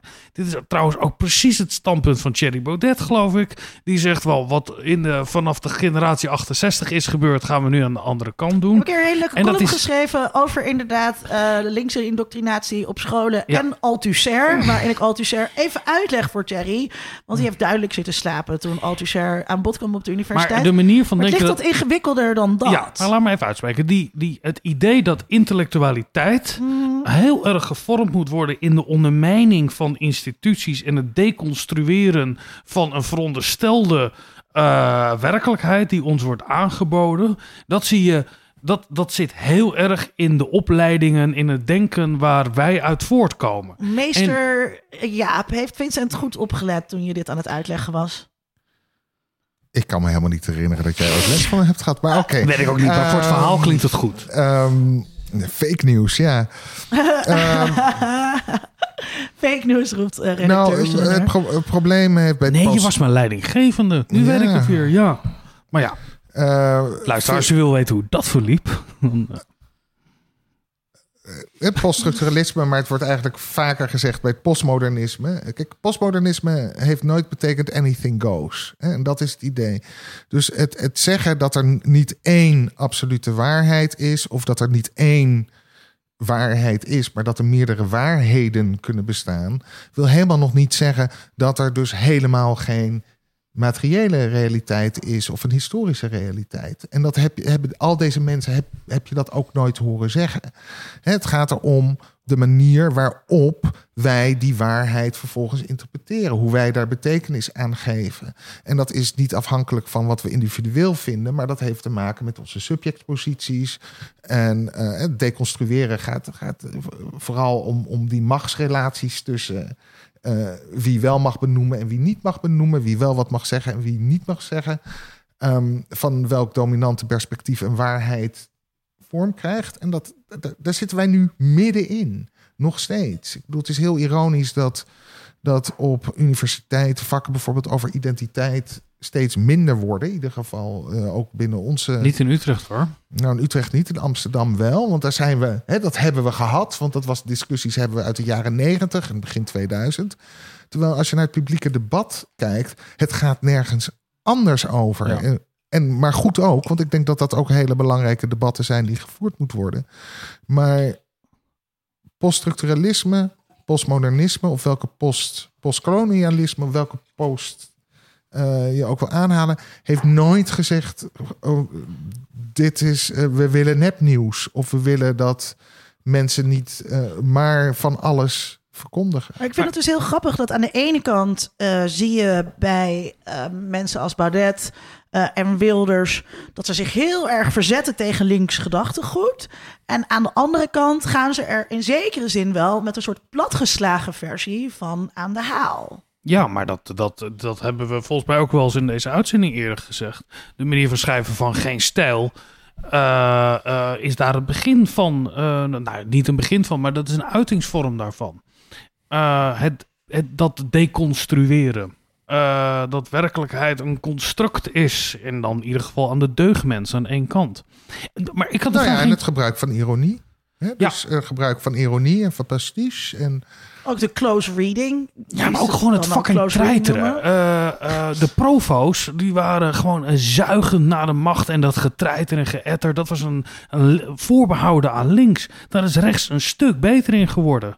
In het, in het zuigen en treiteren, het net ondermijnen, kijken hoe ver je kan gaan om, om ja, de macht uit te dagen daarin. Behalve dan dat ze niet de macht uitdagen, want rechts is aan de macht. Eh, het is naar beneden schoppen. Dat, dat, daar denken zij zelf anders over wie er aan de macht is. Ja, maar het is eigenlijk een complot van GroenLinks en Soros. die, die discussie gaan we hier niet voeren. Maar, Ja, maar, dat is- maar, maar, maar ze ja, hebben- nee, ja, ze- maar mag ik nee, een andere nee, vraag nee, stellen aan is jou? belangrijk. Nee, nee, nee, dit is belangrijk. Want zij hebben dat idee van Soros en eh, dat GroenLinks eigenlijk de puppet master van de VVD is. Nee, er zijn in ze rechtse nodig. groepen zijn er ook dit soort complotdenkers. Hè? We moeten niet in dezelfde val trappen als wat zij doen door het- tot een homogene groep te maken. Zij hebben dat idee nodig dat dat de daadwerkelijke macht is. Want anders heeft het geen zin om te doen wat ze doen.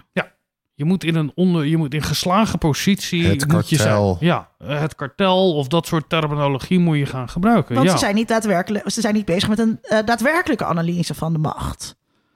Nou, kijk, dan Want dat komt helemaal niet goed uit Nee, voor maar nu, nu begin je termen te gebruiken zoals daadwerkelijk, of als je echt goed kijkt, of als een juiste analyse, of in een eh, materiële eh, benadering daarvan, eh, waarin je zelf ook een soort waarheidsclaim legt.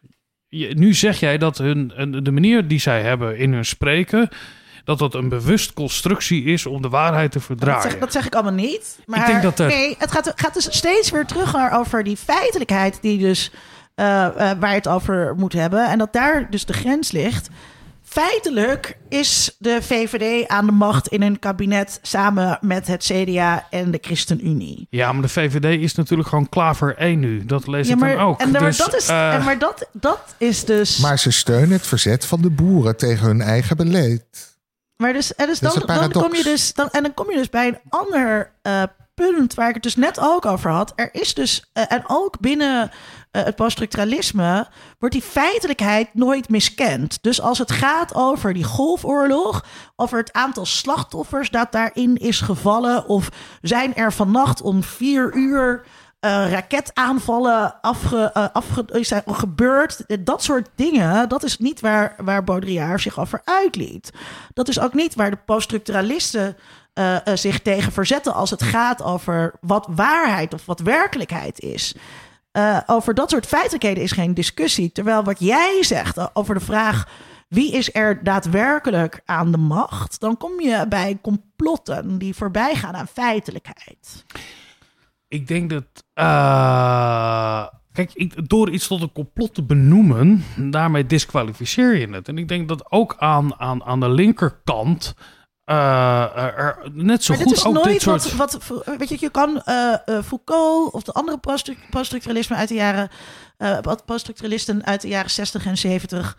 niet verwijten dat zij eh, complotdenkers waren. Ehm, ik, ik heb tot op de. Ik heb nog vorige week een hele discussie gehad op- ik, ik ga, eh, over de universiteit. Waarin wij cijfers geven en waarin mensen geholpen worden om ook de arbeidsmarkt op te gaan. Dat eigenlijk de universiteit stiekem een heel groot rechtsbolwerk is.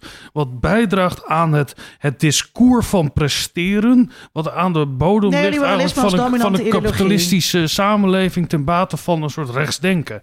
Ook aan de linkerkant zitten Maar er- vind je dat, dat vind jij een complottheorie? Ik vind dat een, een, een nog, ik vind dat far-fetched. Ik vind dat een, een, een soort, een soort hypertheoretisering Nee, maar eh, ik denk, die geen eh, relatie meer heeft met de werkelijkheid. Natuurlijk is, en ik weet geen eens of neoliberaal per definitie rechts is. Ik denk dat het eh, politiek overstijgt bijna. In ieder geval, eh, het claimt dat te overstijgen. Maar, eh, Lijkt me iets voor bij de borrel. Precies, maar de universiteit is wel degelijk een neoliberaal instituut. Dat wordt ook erkend. Dus dat is juist zo grappig dat al die kritiek is op, op de linkse indoctrinatie van de universiteiten. Het is Maar hoeveel boxjes moet je checken eh, om, om te zeggen we zijn neoliberaal? Eh, Maar Vincent, dat gaat toch over iets anders dan over die feitelijkheden waar ik het over heb? Ja, maar jouw definitie van feitelijkheden worden betwijfeld. Kijk, de RIVM is ook natuurlijk in de handen van eigenlijk het linkse gezag. En het is eigenlijk allemaal gericht om de boeren te ondermijnen. Eh, dat is een, een, een, die feitelijkheden waar de boeren mee geconfronteerd worden, worden net zozeer betwijfeld als aan linkerkant ook eh rechtse gegevens. Tenminste, ik dus als wel- tot rechts, gegevens die tot rechts worden Ik ben, verklaard. ik, ik ben nou echt wel benieuwd naar over wat voor feitelijkheden je het dan hebt. Want wat je, waar je het over hebt, als het gaat over, over neoliberalisme als ideologie die een drijvende kracht is achter de universiteit, dan wordt er niet gezegd dat eh, als Jet Bussemaker eh, eh, eh, in een CVB van het een of ander zit, dat ze eigenlijk van de VVD is. Niemand zegt dat. Dat zijn feitelijkheden. Of ze daar nou in zit of niet, ja, dat zijn feitelijkheden. Maar de interpretatie van de, werkelijkheid. Ehm, kijk, nu moet ik met een snoeihard voorbeeld komen. eh, waarin. Eh, en trouwens, ik ben hier geen woordvoerder van de, van de rechtse fractie in dit Ja, verhaal. dan moet je jezelf ook niet op die manier opwerpen. Nou, eh, kijk naar hoe er naar het onderwijs gekeken wordt door uh, vanuit rechtse kring, hè, vanuit de Forum voor Democratie. Ja, over hoe het het, over- nee, hoe het je- je moet curriculum in een elkaar voorbeeld zit. komen van linkse, linkse complottheorieën. Eh, dat in het Die onderwijs voorbij gaan er aan de feitelijkheid. dat er in het onderwijs een bewust handelen is om de vaderlandse trots te ondermijnen door alleen maar de zwarte bladzijden uit de geschiedenis naar boven te halen. Oh, dat lijkt me een rechtse complottheorie. Ja, dat linkse. wordt van rechts Ja, over links gezegd. links. Ja, maar het gaat Ja. dus over links. Of over, of over niet over links, want eh, daarmee eh realiseerde dat... je- je- wat jij zegt is dat de poststructuralisten dat ook doen. Dat die ook complottheorieën hebben. Ik, ik- en ik ben het daar gewoon... Ik vind, dat, ik vind dat een gek als ik, als, ik, als, ik, als ik me even hierin mag mengen. Ja, ik moet dat Ehm, ik weet als niet of, eh, links en, en, en rechts de meest eh, productieve eh, Ik discussie heb er één bedacht. Ik heb er één bedacht. Maar ehm, nee, het voorbeeld wat je gaf. Ik Bedoel denk, je met bedacht verzonnen? Nee, maar laat me. nee, maar het, Maar is het voorbeeld, nee, maar het voor- van de universiteit is een goed voorbeeld. En dat geef ik, sterker nog, dat geef ik als ik het over ideologie heb, ook aan mijn studenten. En de, universiteiten zijn dubbel, want ze zijn aan de ene kant. En dat zag je ook in de campagne van de UVA, We Are You. Hè? Dus eh, intellectuele rebellen, dat is hoe ze dit. Dus aan de ene kant zet de universiteit zichzelf neer, waar ik ook als een soort plek van beelding, waar je leert kritisch denken en onafhankelijk zijn. En dat is een waarheid. En dat is een waarheid waar ik ook achter sta. De andere waarheid is dat de universiteit ook een neoliberaal instituut is, waarin we studenten zo snel mogelijk door zoveel hoepeltjes willen Ja. laten springen om Ja. te zorgen dat ze een marktwaarde krijgen op, op, op, in, op de banenmarkt. Die twee werkelijkheden sluiten elkaar niet uit. Die zijn allebei waar. Ja. Terwijl ze wel haaks op elkaar staan. En dat is wel iets waar je je mee geconfronteerd wordt. En waar de studenten ook mee geconfronteerd worden. Want aan de ene kant moet ik de studenten leren zelf kritisch te zijn. Tegelijkertijd moet ik ze zorgen dat ze een titel hebben voor een paper. En dat ze bronvermelding doen. Dus die twee, dit laat me eigenlijk heel erg goed zien waarom er niet één absolute waarheid is. En waarom, waarom universiteiten geen rechtse bolwe- eh, bolwerken zijn of linkse bolwerken. Ehm, want ze zijn veel minder links dan rechtse mensen denken. En ze zijn veel minder rechts dan linkse mensen Ja. denken. Eh, Ik ben het heel erg eens met Jaap. Dat, nou, dat, wat, wat dat, mooi. Dat, dat is niet zo universiteiten eh, zijn inderdaad die, die, die, die handelen binnen een neoliberale... vaak. maken allemaal neoliberale keuzes. Ik ben daar dagelijks eh, onderdeel van. Maar aan de andere kant wordt in ieder geval in woord ook heel erg andere dingen beleden. En die, die strijden continu Nou, en onder elkaar. sterker, en heel veel. En sommige. En want de student bestaat wat dat betreft ook niet. Sommige studenten ervaren dat heel erg aan die beeldingkant. En aan de andere kant.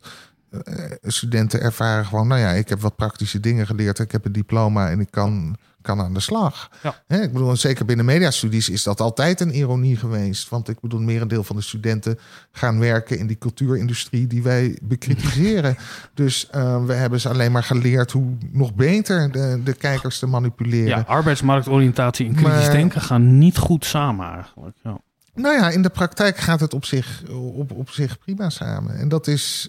Maar dan moeten we. ehm, ja, we, nou ja. Ik moet erg denken aan eh, een, eh, een blogpost eh, van een docent die ik ooit mooi had uitgeprint voor mijn studenten en later weer ben kwijtgeraakt, waarin zij vertelde dat zij haar studenten Foucault liet lezen over normalisering en hoe ons gedrag gestuurd wordt. En eh, tot haar grote verbazing waren haar studenten daar heel erg enthousiast over. Want die zagen in Foucault's woorden een handleiding over hoe je succesvol kon zijn. Wat volgens mij een mooie samenvatting is van die zowel neoliberale als linkse universiteit.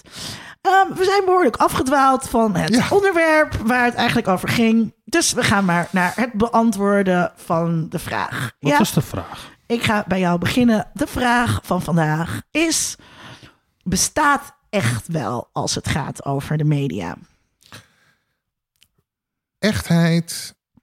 Nou, zijn twee. Sorry. Ehm,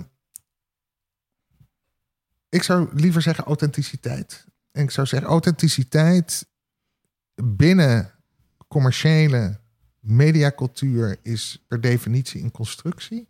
Is geen intrinsieke waarde van de media zelf, maar ligt heel erg in wat de kijker, de consument eraan toedicht.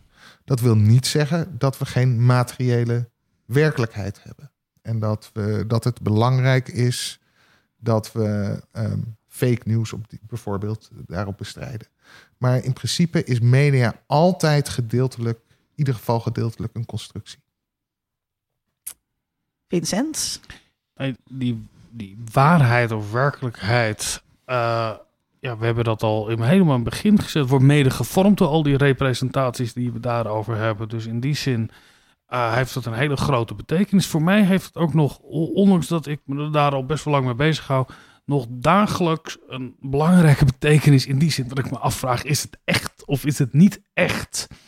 Is André echt weg bij Monique en is hij bij Bridget? Uh, vraag ik me dan af. Of, uh, of is dat van zijn uit zijn management? Uh, hebben ze dat verzonnen en was Monique daar wel van op de hoogte? Dus allemaal dit soort morele vragen die ook gekoppeld worden aan echt of niet echt, speelt een ontzettende belangrijke rol. de vraag: kan je dat op een objectieve manier, op, op een of andere manier bepalen? Uh, ja, ik denk dat, er, dat daar nog een meer uh, kracht in zit dan wat sommige mensen denken. Uh, of waar we net het gesprek over hadden. Ja, er is wel degelijk een materiële werkelijkheid. Ja, ik denk dus dat um, alles altijd als iets gemedieerd is, is het per definitie nep. Um, want je was er niet bij. Het is voor een deel uh, geanceneerd of net opnieuw gedaan. Sowieso, je merkt ook bij deze podcast, we hebben camera's. Mensen gedragen zich dan al net iets anders dan wanneer je een podcast hebt waarbij er geen camera's zijn. Ook dan is het media, want er zijn microfoons. En dit zijn ook niet gesprekken zoals wij ze echt. Het lijkt alsof we aan een keukentafel zitten. En we hebben ook wel eens soortgelijke gesprekken, maar ook hier zijn ze net wat anders. Dus in die zin denk ik dat het altijd uh, nep is. Maar ik denk wel dat het belangrijk is om een onderscheid te maken tussen uh, die feitelijkheden, tussen uh, accuraat, het accuraat zijn van dingen, wat eigenlijk ook Mark Smit een beetje in zijn verhaal zei. Van het is het verhaal van een ander, wat, wat, wat gebeurt is, wat ik op mijn manier vertel. Of dat zei hij niet eens, maar wat hij op een bepaalde manier vertelt. En dat ik denk dat het belangrijk is om daar uh, onderscheid in te blijven maken. Omdat, uh, waar ik mee begonnen heb, War of the World, media zijn ontzettend machtig. In het vormen, in het sturen, in het kleuren van de opvattingen van mensen. En het maakt wel degelijk uit of die feitjes kloppen of niet. Hoeveel immigranten komen er nou daadwerkelijk uh, naar Nederland? Hoeveel doden zijn er nou daadwerkelijk gevallen in die golfoorlog? En dan kan je alsnog zeggen dat het verhaal van de golfoorlog nodig was om iets te legitimeren voor het Westen. Maar die doden zijn gevallen en ik wil toch graag accuraat en feitelijk weten hoeveel dat er waren. En zelf vind ik het ook altijd. Ik, ik, ik denk er ook met heel veel plezier op terug. Dat, dat een soort plezier in dat er eigenlijk helemaal geen waarheid bestaat. En dat een, waarheid een soort.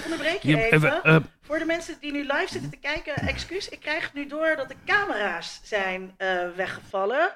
Uh, nou, dat is voor de podcast verder niet erg, dus we gaan gewoon door. Ja, ja nee, tegenwoordig hebben we meer een soort enorme serieusheid over wat van waarachtig zijn.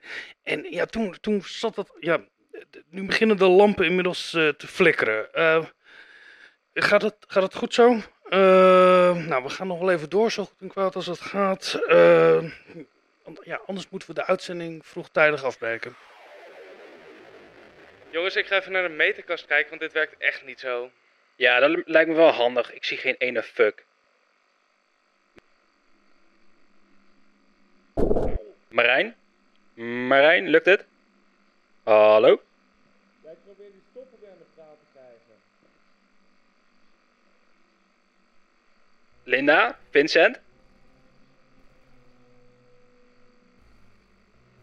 En toen was er weer licht. Ja, Marijn, waar zijn Linda en Vincent nou heen? Geen idee, zijn ze weg dan? Eh, uh, ja. Uh, dan zijn. Dus zo zijn ze ineens weg. Ja, weet ik veel. Het licht ging net weer aan en zat niet meer op een plek. En daarvoor waren ze helemaal stil, dus als een van hen gewoon even naar de wc moest, hadden we dat heus wel gehoord. Maar kom op, ze kunnen toch niet gewoon ineens in rook zijn opgegaan? Zijn ze niet naar buiten gelopen? Ik zag daar net wel een lichtwits buiten. Was het een vliegtuig? Vliegtuigen hebben een knipperend lampje en dit was echt een flits. Was het een vogel? Volgens mij doen vogels niet echt aan een licht flitsen. Het was Ja. een ufo. Een ufo, doe normaal!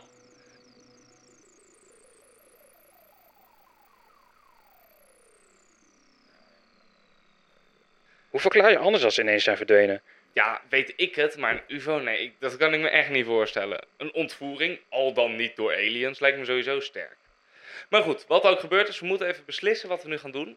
Eh, zetten we de opname stop, maken we hem samen af. Wat moeten de luisteraars hiervan denken? Ja, weet je, rond jij anders even de aflevering af, dan monteer ik hem zo dat het lijkt alsof Linda hem heeft ingesproken. Dan is de aflevering een geheel en dan hebben we nog een week om alles op te lossen zonder dat iemand er ooit achter hoeft te komen. Strak plan. Take it away. U heeft geluisterd naar aflevering 98 van de podcast Onder Mediadoktoren.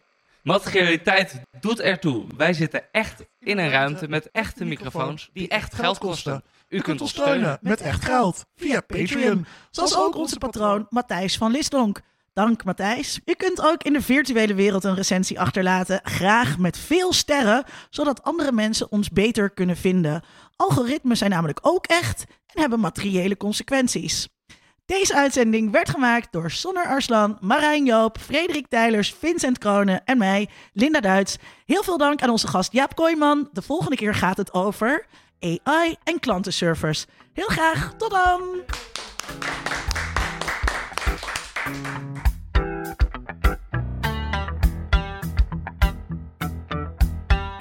Onder Mediadoktoren is een podcast van Vincent Kronen en Linda Duits. Meer informatie vindt u op ondermediadoktoren.nl.